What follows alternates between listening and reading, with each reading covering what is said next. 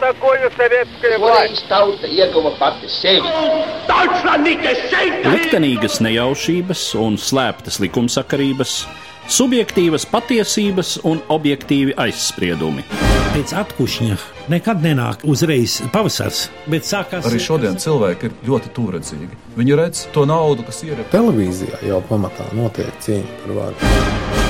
Pagātne no šodienas skatu punkta un šodienas caur pagātnes prizmu. Raidījumā šīs dienas acīm.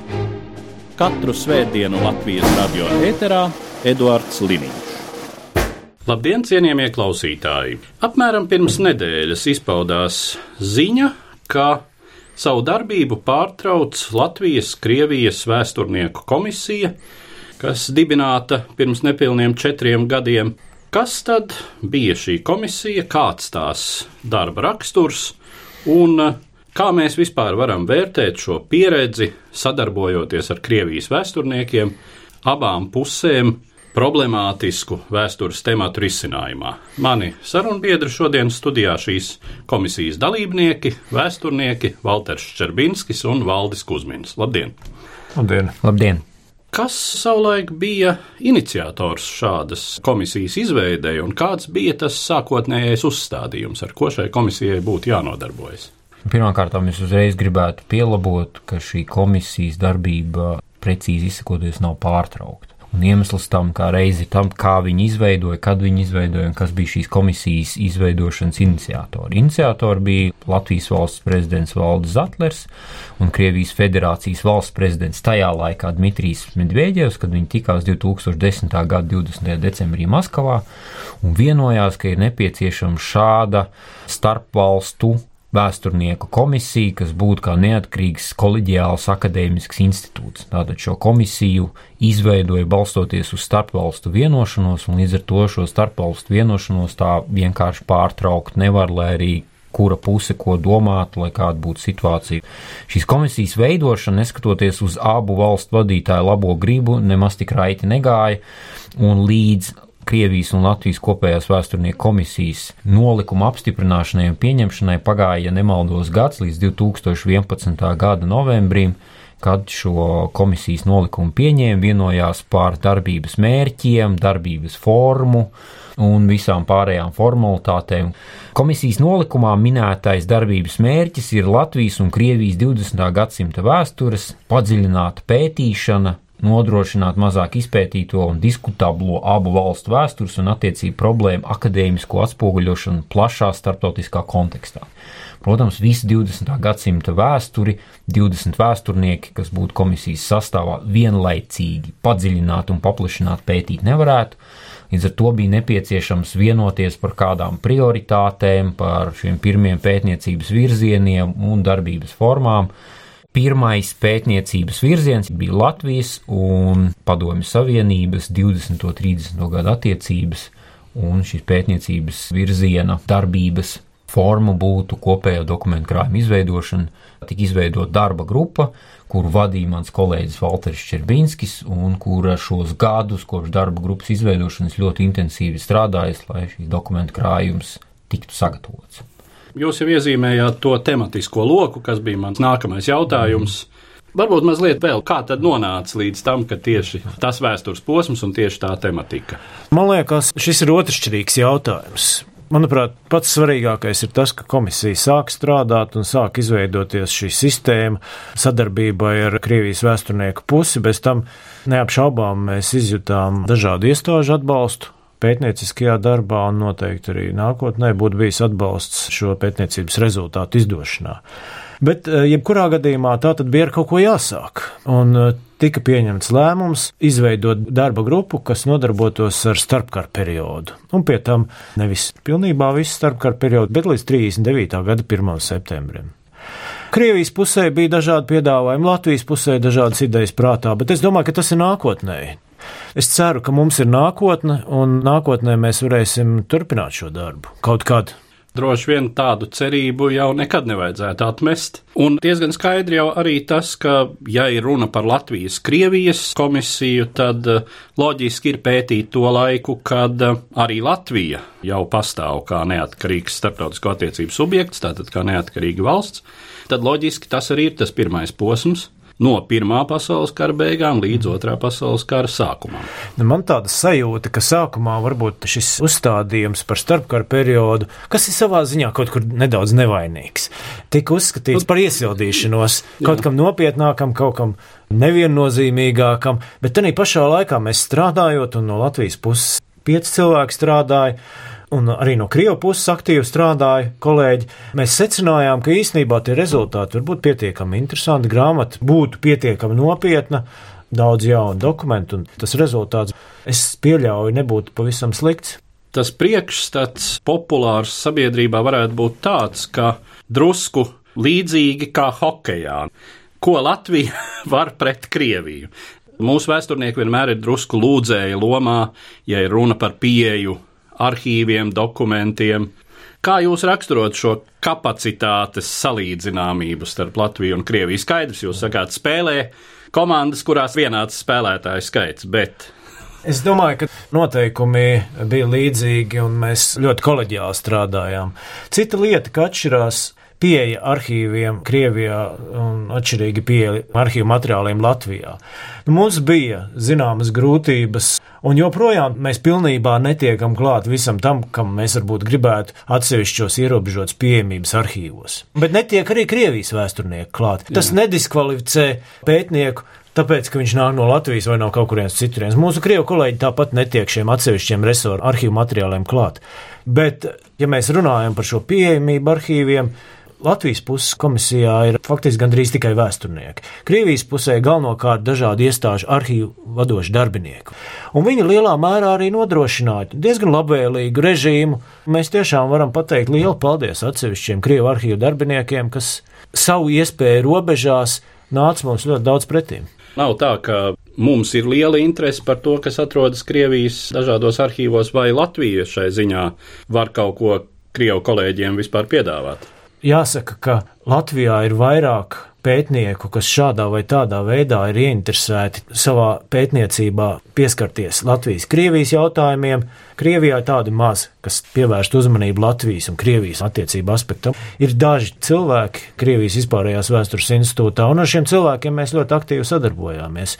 Šo pāris gadu laikā bija, eh, ja nemaldos, divi varbūt eh, nu, tādi iesniegumu lūgumi pēc vīzas piešķiršanas Krievijas vēsturniekiem, komisijas locekļiem. Vienu es noteikti atceros, ka viņš brauca uz konferenci un plānoja arī doties uz arhīvu, bet nu, tā kā mums speciāls pielaides vai speciāla lūguma arhīviem nav nepieciešama, tad mēs vienkārši vēsturnieku komisijā nodrošināja vīzas saņemšanu, vai tiešām viņš gāja uz arhīvu un strādāja, to es nemāku teikt tas priekšstats, kas būtu jāpēta Latvijas kontekstā, ir diezgan atšķirīgs. Krievijā, piemēram, ir ļoti spēcīga vēsturnieku skola, kas pēta Livonijas karu Latvijā kur tiek fundamentāli darbi rakstīti, un viņi par Livonijas karu Latvijā, es domāju, zina daudz vairāk nekā mēs paši. Vienkārši jautājums par 20. un 30. gadu Padomju Savienības un Latvijas Republikas kontekstā viņiem nav aktuāls, un līdz ar to nav to pētnieku, kas būtu iesaistījušies. Bet, bet skaidrs, ka šīs komisijas mērķis nav vispār vēstures zinātnes veicināšana. Šīs komisijas un mūsu darba mērķis ir šo diskutablo jautājumu risināšana, lai noņemtu kaut kādu spriedzi no starpvalstu attiecībām. Šāds skaists mērķis neapšaubām bija tas, kas bija pamatā komisijas darbības izveidē. Un šeit, protams, galvenokārt runa ir par 20. gadsimtu. Kāpēc es to pieminēju? Es gribēju teikt, ka tas nav tā, ka Krievijas vēsturnieku vidū būtu, viņi neko negrib mm. pētīt par Latviju. Vienkārši Jā. viņiem ir savas akadēmiskās Jā. intereses, mums ir savas akadēmiskās intereses. Tādēļ arī varbūt šīs komisijas panākums bija tas, ka vēsturnieki no abām valstīm bija ar mieru sēdēs un zinātniskajos kolektīvos, diskutēt, ļoti aizrautīgi diskutēt, nepiekrist Jā. viens otram un mēģināt šo interesi abās akadēmiskajās sabiedrībās veicināt varbūt mazliet pakāpjoties solīti nost no Krievijas situācijas un domājot par to, kāda ir situācija Latvijā. Tas, ar ko man ir nācies saskarties, nu jau diezgan daudzus gadus veidojot raidījumus par vēsturi, Latvijā vēsturnieku uzmanība ir koncentrējusies uz dažiem tematiem, kas sakrīt lielākoties ar 20. gadsimta dramatiskāko notikumu un līdz ar to šai komisijai primāri adresējumu notikumu komplektu. Bet tas ir ļoti labi saprotams. Zināma konjunktūra nebūtu nav slikta lieta. Ja ir pieprasījums un ja ir finansējums kaut kādiem pētījumiem par noteiktu tēmu, radīsies arī pētnieki. Es arī Vairāk gribētu piebilst, ka tam ir arī diezgan objektīvi iemesli. Līdz 90. gadu sākumam šie, kā jūs minējāt, tie aktuālie jautājumi, kaut vai Latvijas Republikas 20. un 30. gadu vēsture, Pirmā pasaules kara vēsture, Otrā pasaules kara sākums, padomju okupācijas laikā šie jautājumi netika pētīti. Tagad, par nieka nedaudz pār pa 20 gadiem, tie vēsturnieki, kas mums ir, mēs burtiski esam nedaudz iecirtušies aizberga virs ūdens šajā nelielajā virsotnē, vēl aizvien ejot uz arhīvu un pētot jautājumus, it kā liekas pie izpētītām lietām, pasūta lietas un pēkšņi redz, ka tu esi vienīgais, kas šo lietu ir pasūtījis. Latvijas kara muzejā bija ļoti interesanta konference, kur uzstājās franču vēsturnieki, kur viņi runāja par Pirmo pasaules karu. Viņu pētījumu apjoms un zināšanu dziļums ir fantastisks vienkārši nesalīdzināms ar to, ko mēs esam darījuši. Vienkārši mums nebija iespējas to pētīt. Mums ir 50 gadu absolūts tukšums šajos jautājumos, un mums, lai sasniegtu to līmeni un varbūt sākt meklēt kaut kādas niansētākas pieejas, alternatīvas pieejas, alternatīvas problēmu jautājumus uzdot, mums nav šī pamata, mums nav to fundamentālo pētījumu. Un tādēļ, protams, ka vēsturniekam savā ziņā, kā jau es teicu, ir ļoti aizraujoši pētīt, ko līdz tam neviens nav pētījis. Tā kā tam ir tādi objektīvi iemesli no akadēmiskās pētniecības puses. Tas tā, protams, ir. Kaut vai jā, jūs piesauktais Pirmais pasaules karš, it kā jau pat padomu laikā latviešu strēlnieki, tā bija viena tēma, nu, kuru it kā nebija aizliegta, un pat bija ļoti proponēta šīs tēmas izpēte. Nu, taču bija pat vesels, sauca Latviešu sarkano strēlnieku muzejs, bet šis muzejs nodarbojās arī ar Latviešu strēlnieku bataljoniem, vēlāk pulkiem Pirmajā pasaules karā. Ļoti šauri. Ja mēs tagad mēģinātu iztriet tā noskaidrot, kas notika pie Daugopils Pirmā pasaules kara laikā, bet, bet, bet, bet, valdi, bet no otras puses tie, Fronte bija. Tie, tie resursi, kādi ir Latvijas vēsturnieku rīcībā un vispār Latvijas valsts, nekad nebūs pārāk liela. Mēs neesam maza valsts, bet tomēr mūsu iedzīvotāju skaits ir relatīvi mazs. Cik mums ir vēsturnieki? Es domāju, ka vairāk par 150 profesionālus vēsturniekus pilnīgi noteikti jūs nesalasīsiet. Es domāju, tādus, kuri sēž arhīvos vai kaut kur citur un veids kaut kādus oriģinālus pētījumus. Tādu cilvēku 150, iekļaujot, man liekas, akmens laikmetu un, un tā tālāk iedomājieties. Pa visiem šiem jautājumiem ir tik liels cilvēku skaits. Tā kā mēs nevaram sagaidīt, un nekad nebūs mhm. cilvēki, kas profesionāli pārzinās visas Pirmā pasaules kara nianses, un tas nav vajadzīgs. Tāpēc mēs lasīsim frančus. Zinātne ir starptautiska. Zinātnieki nav jāvērtē tur francūzs vai inuits vai es nezinu, zviedrs. Principā jau zinātnē jābūt saprotamai neatkarīgi no tā, kur tā ir radīta. Ne tikai eksaktām, bet arī humanitārajās zinātnēs. Bet, protams, ka mums ir sava specifika. Mums ir jautājumi, kas mūs īpaši interesē, mūs kā latviešus. Un galvenokārt ir jāfokusējas tieši ar mūsu interesējošiem jautājumiem. Pirmkārt, tas ir skaidrs. Un atgriežoties pie šīs komisijas darbības, runājot par šo iesākto darbu, kur, kā jūs jau teicāt, salīdzinoši viss nekutelīgākais temats, ar ko varēja sākt, vai iezīmējās kaut kur arī valstu politiskajās pozīcijās balstītas principiāls pretrunas jau šī posma un šīs tematikas traktējumā. Tas jautājums ir par to, vai šobrīd Krievijiem ir kaut kāda viena nostāja, Latviešiem ir otra nostāja, mēs viens otram nepiekrītam attiecībā uz to materiālu atlasi. Es domāju, ka nē. Šādas pretrunas šobrīd nav.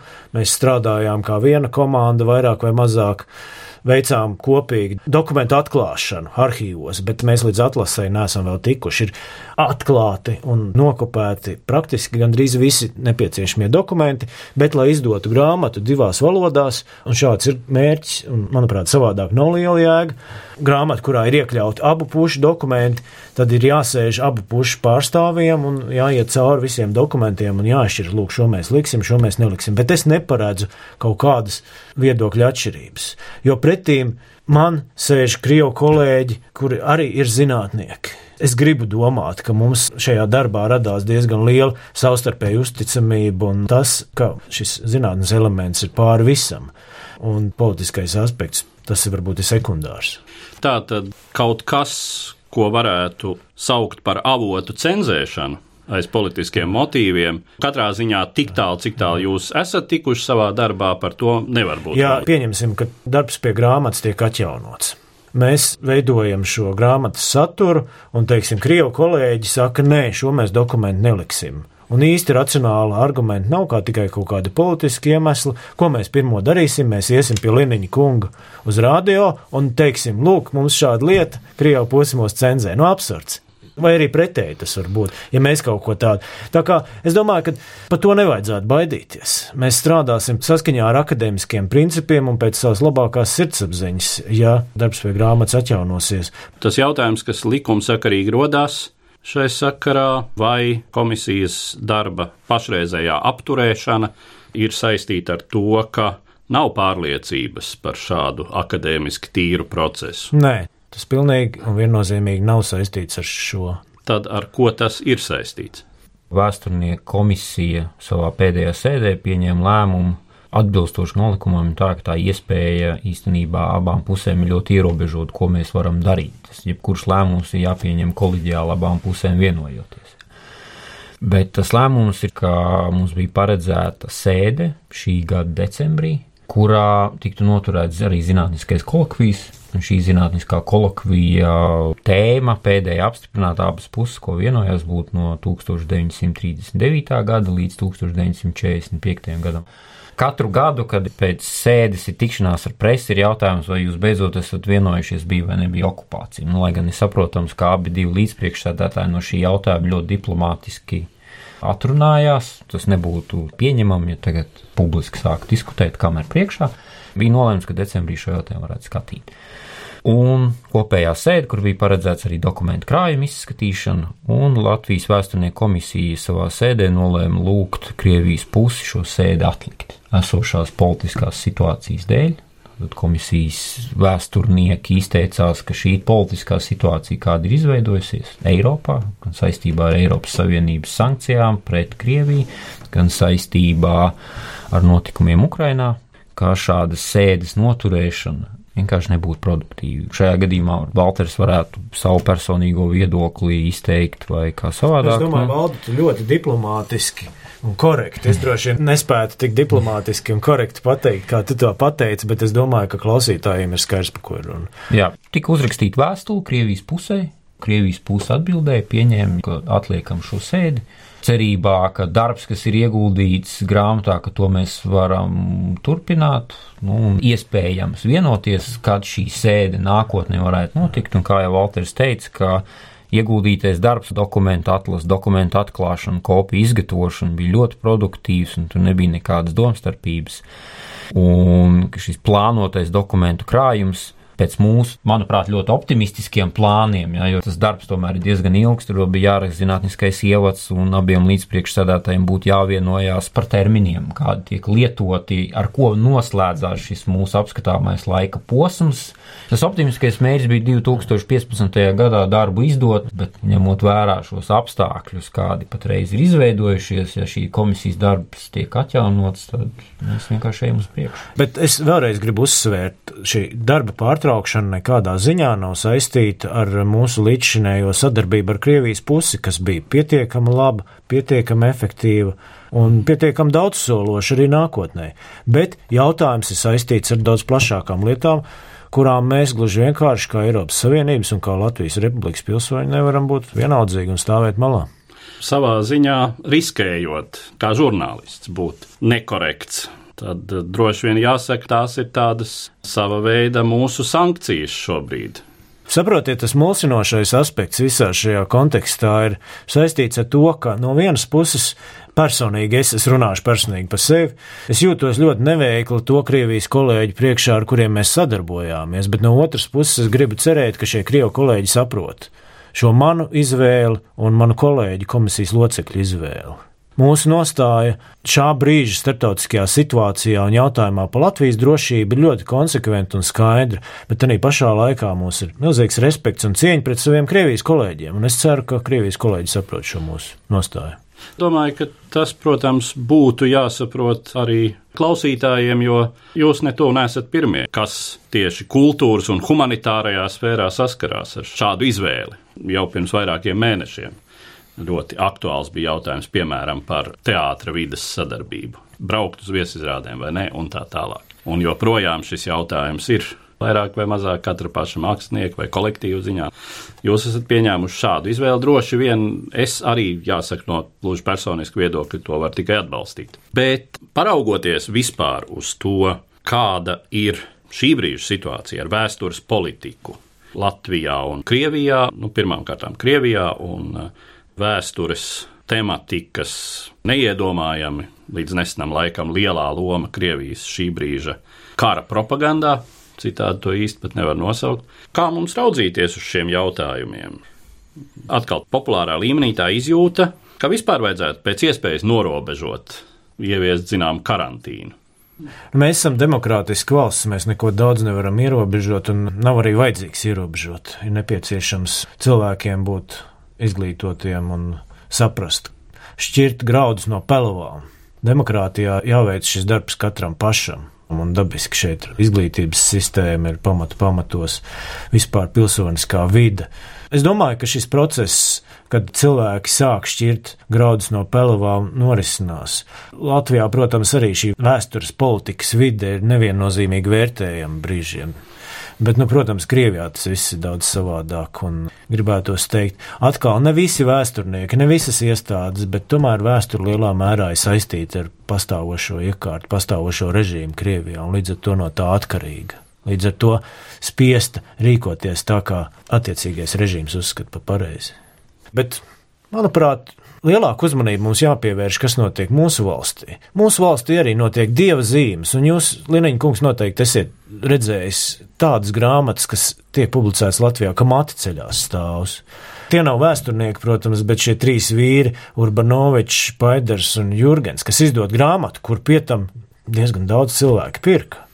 Tiek izdotas dažādas amatieru grāmatas, kuru izdošana varētu arī nenotikt, bet atkal tā ir demokrātija un katrs izdod, ko vēlas manuprāt, ir diezgan nepārprotami, ka Krievijā tiek veidoti televīzijas raidījumi, kur ļaudis ar vēstures doktoru un profesoru tituliem runā lietas, kādas Latvijā tiešām, ja izskan, tad nu, ir bijuši gadījumi tiešām, kad ļaudis bez akadēmiskā seguma nokļūst pie mikrofona vai varbūt brīvajā mikrofonā, kāds ir arī Latvijas radio, tad var pamanīties izkliegt kādu vienu frāzi, ka tur tam tiek veltīts stundas un stundas ētera laika tieši šādā tonalitātē šobrīd. Es gribētu atgriezties pie tā paša, pie kā mēs sākām runājot par šo jautājumu. Būtībā, ka vēsture ir instruments sabiedrības domāšanas ietekmēšanai. Nu, nenoliedzami tas tiek īstenots praktiski visos nedemokrātiskos režīmos, jo demokrātiskos ir ļoti grūti vēsturi izmantot kā instrumentu. Un, protams, arī Krievijā tas notiek. Tas notiek Baltkrievijā, tas notiek Kazahstānā, visur, kur mēs runājam, kur pastāv šīs kaut kādas autoritārismu tendences, Ķīnas Tautas Republikā. Tieši tas pats. Krievijas gadījums, protams, ir atšķirīgs, jo Krievija piedzīvoja 90. gados ļoti strauju demokratizāciju. Un parādījās šie ļoti daudzie dažādie viedokļi par dažādiem jautājumiem. Un es domāju, ka Krievijā veidojot šo mūsdienu Krievijas oficiālo nostāju, bija relatīvi grūti integrēt šos bieži vien pretrunīgos Krievijas vēstures aspektus. Un tad, kad es parasti gāju no mūsu mītnes vietas Latvijas vēstniecībā ar kājām gar Kremli, devos tālāk uz Krievijas valsts arhīvu, gāju garām vienai ēkai. Manuprāt, tā bija Mākslas akadēmijas ēka, un uz ēkas fasādes bija saglabājies akadēmijas ģērbonis ar sirpu nāmuru vidū, un pati akadēmija saucās Impērijas. Tātad būtībā tāda personības dalīšanās, kur medicīniski apzīmē par šizofrēniju. Un, manuprāt, šis šizofrēnijas elements Krievijā, īpaši runājot par vēsturi, ir nepārprotami redzams. No vienas puses tiek akceptēta Padomju Savienības laika varenība, Staļina laiki, bet no otras puses ir spēlēšanās ar balto kustībām. Tur Kolčaks, Deņīkins, krietnie balto kustību vadītāji un tā tālāk. Kaut kāda neskaidrība, kas tad ir labs, kas ir slikts. Protams, ka vēsturē Nu, mūsējie, grūti to noteikt, jā, mūsējie bet kā, jautājums, kas ir mūsējie? Kā tas var būt, ja mūsējie karoja viens ar otru? jā? Kad mūsēji nošāva imperatoru. A, tad ko viņi vajadzēja slik- to nošaut? A, Kā jā, anekdote? jā, jā, jā, ko vajadzēja to nošāva? Tagad nošāva imperatoru, tad viņi bija sliktie, un tagad ir mēģināts tiek paziņots, ka tie bija latviešu, ungāru vai kas tur. Pagāja 20 gadu, viņi kļuva par labajiem. Krievijas prezidents Putins paziņo, ka PSRS sabrukums ir lielākā ģeopolitiskā traģēdija 20. gadsimtā, bet no otras puses tiek veicināti dažādi pretpadomju elementi, teiksim, kazaku kustība. Un Kazaki, kā mēs zinām, bija ļoti stipri pretpadomiski, kas cīnījās pret padomju varu.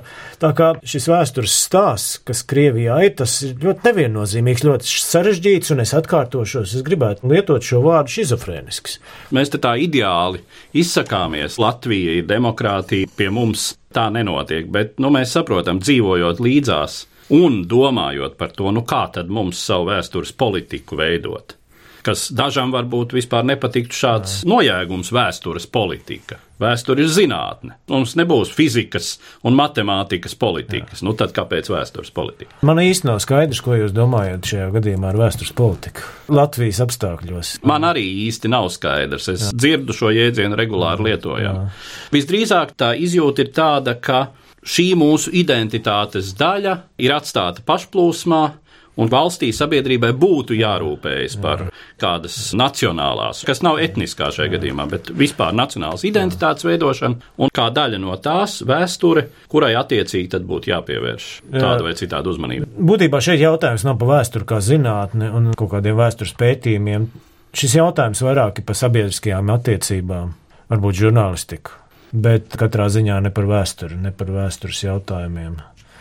Vēsture ir zinātne, kas pēta pagātnes norises. Un cita lieta, ka šos vēstures pētījumu rezultātus var izmantot un vajag izmantot dažādu mērķu labad, labu mērķu, sabiedrības labā. Šādi rezultāti, kas tiek iegūti vēstures pētījumos, ļoti svarīgi, palīdz mums saprast, kas mēs esam. Valsts politiku es saprotu tādā ziņā, ka valsts izveido sistēmu, kuras ietvaros norisinās atbalsts pētījumiem, kuru rezultāti īsti nav zināmi, nav prognozējami, jo šie pētījumi vēl nav beigušies.